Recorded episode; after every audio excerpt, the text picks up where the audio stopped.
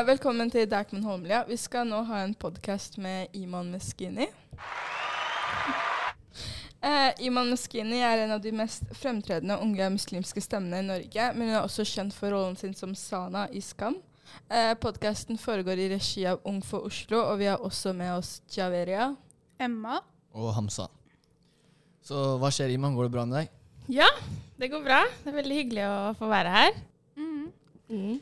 Eh, har du noen prosjekter som du jobber med nå? på en måte? Ja, det har jeg. Um, jeg har faktisk jobbet et år med å prøve å få til uh, en egen podkast. og den, uh, det fikk vi til nå i høst. Uh, så jeg har, holder på med en podkast som handler om religion. Den heter Har du trua? Og den er i samarbeid med Aftenposten. Eh, Hva er det du snakker om da, sånn tilknyttet til religion?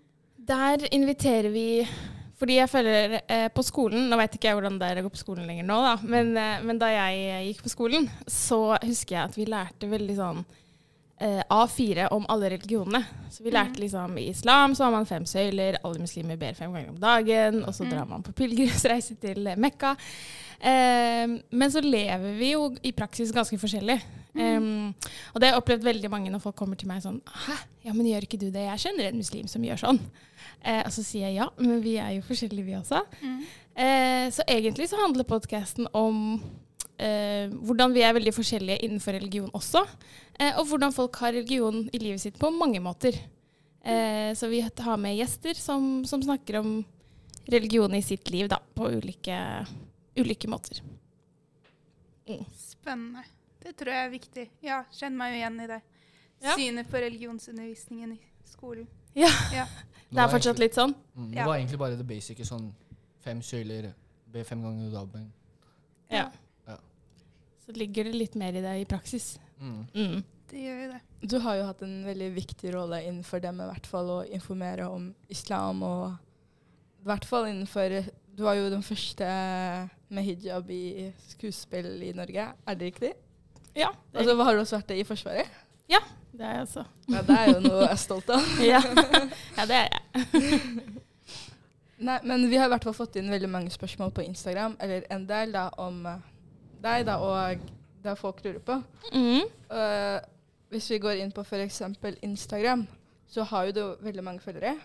Og er det mange som liksom er kritisk til deg? Får du masse hat når det kommer til Instagram? Jeg får eh, veldig lite hat på Instagram. Eh, jeg syns Instagram er egentlig en ganske sånn fin plattform. Mm. Um, og jeg opplever at det skal litt til for at du på en måte skal få hat, med mindre du skriver noe veldig, veldig spesielt. Eh, TikTok derimot, der eh, er det litt mer eh, hat. Um, så, men eh, ja, det kommer litt an på plattformen, tror jeg. Men Instagram er veldig hyggelig. Du har TikTok-bruker også? Ja, jeg har TikTok-bruker. Selv om jeg bruker den ikke så veldig mye, da. Tenker du at eh, religion er en stor årsak til krig? Um, jeg tenker at det er uh, flere årsaker til krig. Jeg tror ikke religion alene er en årsak til krig. Jeg tror at, uh, at man kan bruke det som en unnskyldning til å føre Mm. krig. Men jeg tror at det egentlig handler om at man vil ha makt.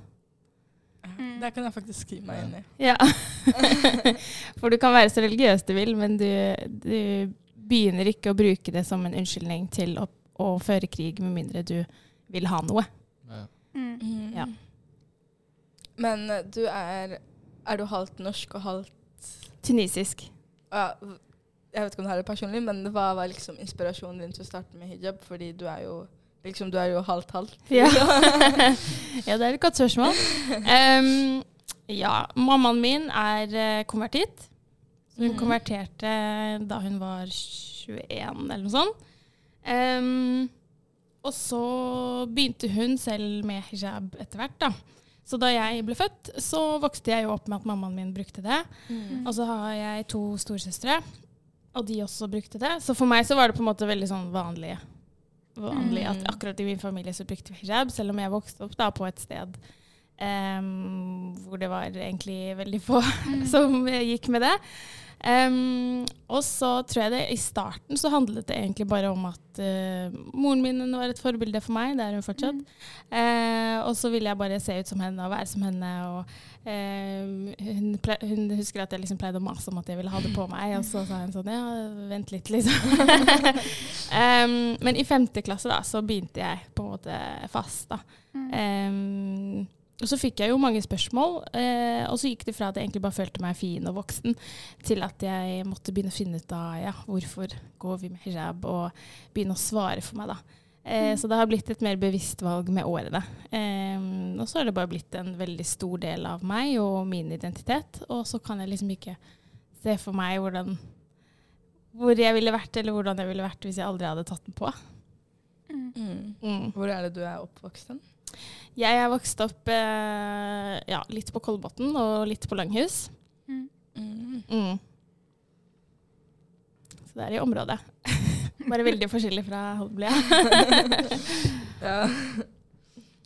Eh, Du snakket jo om måte, ja, liksom barndommen og hvordan det var å velge å bruke hijab da, i 5. klasse. Mm. Eh, opplevde du noe sånn kroppspress, eller sånn Hva syns du om det? Er det noen forskjell? Eh, mener du at kroppspress er like stor for gutter og jenter osv.? Um, jeg opplevde presset på at uh, det handler veldig om å være like. Mm. Så jeg merket jo at, uh, at jeg var annerledes, og at jeg skilte meg ut. Mm. Uh, og det var jo ikke alltid gøy. Um, og så når du blir eldre, så blir det egentlig Så vil du skille deg ut, og da Ja. vil du være annerledes. Eh, så det er noe med den alderen, eh, når man liksom er Spesielt på ungdomsskolen, kanskje. Mm. Da merka jeg liksom Når de andre barna begynte å eh, drikke alkohol på fester og litt sånn, da merka jeg på en måte at nå ble vi ganske ulike, da. Mm. Em, men så Men så klarte jeg heldigvis å holde på de verdiene jeg har. Mm. Eh, og jeg er veldig glad for det i dag. Og så lærte jeg å sosialisere meg uten å måtte drikke, og det, liksom, det gikk veldig fint for meg Mm. etter hvert. Og så er det litt skummelt, men så lærte jeg at vennene mine respekterte meg for den jeg var, em, uansett. Selv om det er litt skummelt å skille seg ut. Mm. Um, ja, nå husker jeg ikke hva du spurte om. Nei, Nei, det var jo egentlig rettet mot kroppspress, men Kroppspress, det er jo ja. Nei, jeg ikke tror det samme. Nei, det er ikke helt samme. Men um, jeg har uh, ikke tenkt sånn kjempemye på kroppspress. Selv om jeg vet at det er på en måte en stor ting. Um, men det at jeg tror Det om jeg tror at det er forskjell på kroppspress hos gutter og jenter, det tror jeg egentlig ikke. Mm. Jeg tror at det er eh, like viktig hos begge kjønn, eh, men at vi snakker om det på forskjellige måter. Og at vi kanskje viser det på forskjellige måter. Mm. Mm. Jeg husker da jeg var i Forsvaret, så var det en, en av gutta der, han var veldig opptatt av å trene. Mm.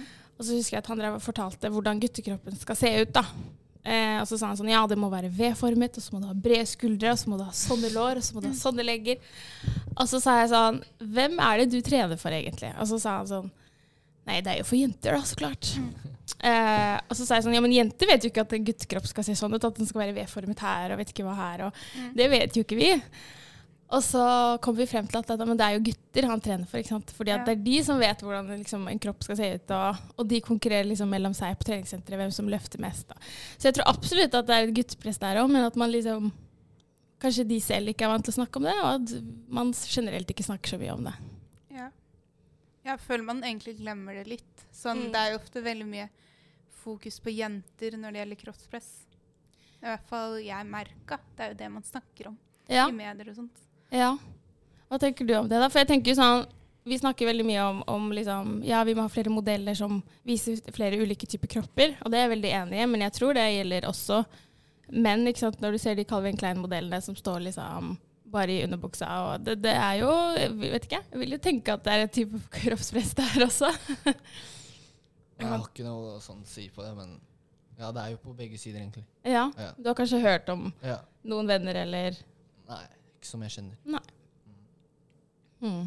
Nei, men du snakket i hvert fall om venner, og du ble jo ganske kjent som Eller du var ganske ung når du ble kjent. Eh, har du liksom fått nye venner, og har du mista noen? Fordi du vet når man kommer inn i det liksom livet, når man har opptrer seg som f.eks. kjendis eller en kjent person, så er det sånn at så er det ofte at man liksom vokser fra venner og får en ny vennegjeng. Ehm, det kan stemme for mange. Ehm, jeg gjorde det litt omvendt. Jeg har beholdt de vennene jeg hadde fra før jeg begynte i Skam.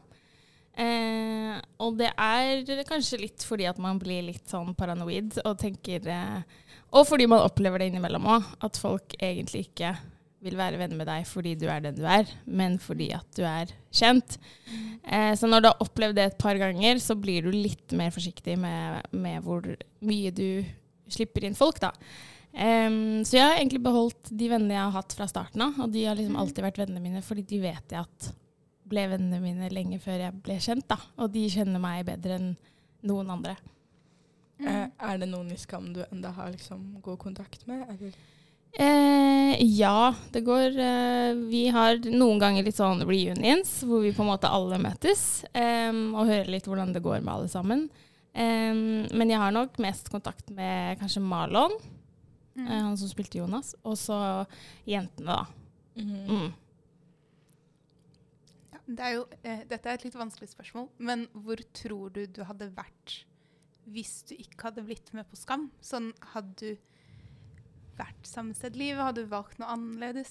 Jeg hadde vært proff basketspiller. Nei da. vet jeg aldri om jeg hadde blitt. Men uh, jeg tror jeg i hvert fall hadde fortsatt med basket en stund til.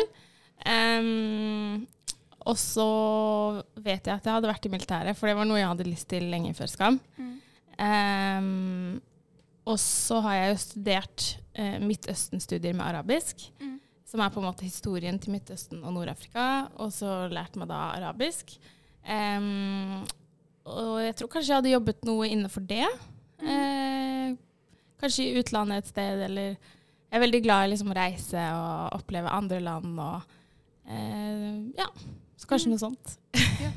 Du sa jo at du alltid hadde hatt lyst til å være med i militæret. Hvorfor det? Eh, fordi at da jeg var liten, så drømte jeg egentlig om å bli politi.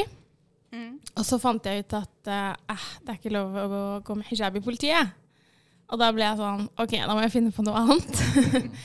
og, så, eh, og så tenkte jeg liksom litt på Forsvaret. Jeg husker ikke om jeg hadde møtt noen som hadde vært der før. Eller. Det var noe som liksom inspirerte meg til at å, militæret var litt kult. Og så sjekket jeg liksom nettsiden deres, og så fant jeg ikke noe sted hvor det sto at det ikke var lov med hijab. i hvert fall. Så da regner jeg med at det liksom var sikkert var lov. Um, og så ble det et sånt lite mål jeg hadde, og så begynte jeg liksom følge folk som har vært i militæret, og følge med på de og høre fra folk. og Det hørtes veldig kult ut, da. Mm. Um, og så er jeg veldig glad i liksom utfordre meg selv, prøve nye ting, møte nye mennesker. Um, ja, i, i litt sånn hard fysisk uh, trening som gjør at du ehm, blir testa da, på mange Mm. områder. eh, og lære mer om deg selv. Jeg visste faktisk ikke at det kan være noe med hijab i politiet. Jeg håper ikke jeg knuste en drøm. Nei. Nei, Nei, men det er, er det fortsatt det? Det er det. Ja, det er fortsatt ikke lov. Ja, hva er- Hvorfor det, egentlig? Ja. Sånn, Eh, for de sier at, eh, at politiet skal være nøytralt.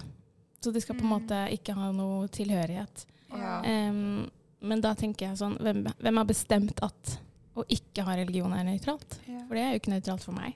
Nei. Da, du har en tilhørighet for min del, fordi Ja. Ja. Så det er en diskusjon som går litt Men- av og på. Forstår det da sånn eh, eksplisitt sånn ikke lov med hijab, eller står det sånn ikke lov med Religiøse religiøse? Ja. Symboler. Ja. Det er sånn eh, franske laicité Ja. Ja, ikke Ja. sant. Men jeg tenker jo at um, Jeg tenker at siden politiet ofte sliter med mange minoriteter, Mm. Um, og de sliter med å få tillit hos mange minoriteter, så ville jeg jo tenkt at det var lurt å hente inn Mm. flere og flere minoriteter i politiet, sånn at for det første så kan de lære om oss, Mm. og de kan lære hvordan man eh, forholder seg til oss.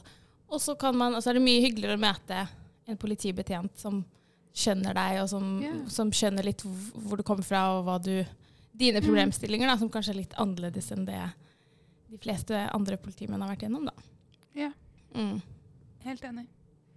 Nei, men uh, hvis vi kanskje hopper over til noe annet eh, Ja. Snakker ikke om det mer. Nei, men sånn personlighetsmessig, hva tenker du er dine svake sider? Ja, føles som et intervju. Nevn tre svake sider. Nei, mine svake sider er ehm, Eller det har vært Det er en ting jeg jobber med, da, så jeg har blitt litt bedre på det. Men det er helt klart at jeg har vært veldig redd for å si nei. Og det har gjort at jeg har kommet i veldig mange situasjoner hvor jeg liksom har tenkt sånn åh, jeg skulle bare sagt nei i første omgang, på en måte. Um, så jeg har jo sagt ja til ting og jobber og sånn som jeg kanskje egentlig ikke har hatt lyst til å gjøre eller være med på, eller um, Og så ikke bare at det er vanskelig å si nei, men når jeg først har sagt ja, så syns jeg det er enda vanskeligere å Ja. på en måte angre eller trekke meg tilbake. For da tenker jeg sånn Nei, nå er alt ordnet, og alt er booket, og alt er klart, og nå kan jeg ikke si nei, på en måte. Eh, så jeg har jobbet, eh, jobbet veldig hardt med å liksom prøve å lære meg å si nei til ting, eh, og være ærlig med meg selv. Em, og kjenne på at eh, Men syns jeg egentlig dette er greit? Eller er dette noe jeg egentlig vil? Mm. Og så Mm. sier jeg bare nei. Og så har jeg lært at det, det er ikke verdens undergang om man sier nei, fordi som regel så går det bra. uh, og så, hva er din største frykt? Hmm. Min største frykt um, Det er at uh, Fordi jeg føler at vi på mange måter så går vi fremover i, i samfunnet og i verden. Em, men på noen ting så føler jeg noen ganger at det bare blir verre for Ja. noen minoriteter. Mm. Eh, så min største frykt, for det, det var jeg ikke redd for før, men det har jeg liksom tenkt på litt sånn de senere årene, at eh, er at uh, hvis, jeg, hvis jeg noen gang skulle få barn, da, så Mm. er min største frykt at de skal liksom måtte gå igjennom em, mange av de tingene vi har gått gjennom som, som Mm. barn, da. Mm. Eh, så min største frykt er jo at eh, mine barn skal bli, eh, altså, oppleve rasisme eller bli mobbet, eller Mm. eh, og, at, og at jeg ikke vil kunne gjøre noe med det. Det er Mm. min største frykt. Det er forståelig. Mm. Det fikk Ja. meg litt til å tenke nå. Ja, for jeg tenker bare sånn det- Det må være så En ting er liksom oppleve det selv eller gå gjennom det selv, Ja. men sånn å være en forelder og se at barna dine Jeg tror det må være helt forferdelig. Ja. Ja. Mm. Eh, ja. Gikk jo innom hva dine svake sider er. Hva er dine sterke sider? Uh, mine sterke sider er um, lojalitet. Mm. Jeg er en veldig lojal person. Um, jeg er eh, til å stole på. Mm. Em, jeg em, tør å skille meg ut. Tør å være litt annerledes. Tør mm. å stå for det jeg mener, selv om det kan være uh, litt annerledes enn det mange andre mener. Mm. Um, og så Og så er jeg litt, uh, litt sta. men det kan være Selvfølgelig så kan det være litt irriterende innimellom, men som regel så er det en god egenskap. Ja. Mm. Den kan jeg se. Eh, vi har jo også vært i en pandemi akkurat nå, og du er jo en sånn som liker å reise mye, som jeg har vært og sett på Instagram. Ja. Du liker å oppdage nye ting. Hvordan har koronasituasjonen vært for deg? Eh, den har vært eh, lang og kjip. Um, men den, eh, en ting som liksom har fått meg gjennom den, sånn at det har gjort at det har gått fint, er nok at jeg giftet meg litt før vi eh, endte opp i en pandemi. Em, så da fikk jeg jo masse tid med mannen min. og så eh, Ja, så vi Det hjalp veldig å liksom Å ha hverandre, da, i den tiden. Em, og at vi kunne liksom gå turer sammen, og at vi ble hverandres kohort, på en måte. Mm. Eh, og da tenkte jeg jo veldig mye på de som bor alene, eller de som ikke får møte vennene sine, eller eh, Så jeg føler jeg har vært veldig heldig der, da. Men det Mm. har jo vært Ja, det har vært stille i liksom eh, I den, de jobbene jeg jobber med, da, så Mm. har det jo vært litt lite av det. Em, så jeg føler jeg har gått rundt og venta ganske lenge på at på en måte, ting skal åpne igjen, sånn at, eh, Mm. at hverdagen kan bli normal igjen. Ja. Det tror jeg vi alle har. Mm. Mm. Hvis vi tenker sånn livet generelt, hvilken lærdom har livet gitt deg? Det er et stort spørsmål. um, hvilken lærdom livet har gitt meg? Um, den har gitt meg mange lærdommer. Um, jeg har i hvert fall lært at, at i starten For jeg, jeg har på en måte Gjennom oppveksten så har jeg hatt veldig mange sånn det man kaller for identitetskriser. Mm. Hvor du på en måte sliter veldig mellom å finne ut av hvem er jeg oppi de to kulturene man kommer fra, eller eh, ja, når du er hjemme versus når du er ute med venner, Mm. eller eh, Også det å på en måte eh, Jeg har vært veldig glad i min religion og har på en måte veldig, hatt veldig Jeg er veldig stolt av den. Eh, og så har det vært veldig sårende mange ganger eh, hvordan samfunnet snakker om den, og hvordan, hvordan andre opplever den. Mm. Em, så jeg tror livet har lært meg at eh, de tingene du opplever i livet ditt som er kjipt, det kan du enten velge om du vil gjøre til en eh, svakhet i livet ditt, eller så kan du ta de tingene som har vært skikkelig kjipt i livet ditt, og så kan du gjøre det em, til din styrke. Og så kan Mm. du tenke at jeg har opplevd alt det her, og likevel så står jeg her i dag. Eh, og det skal jeg ta med meg videre.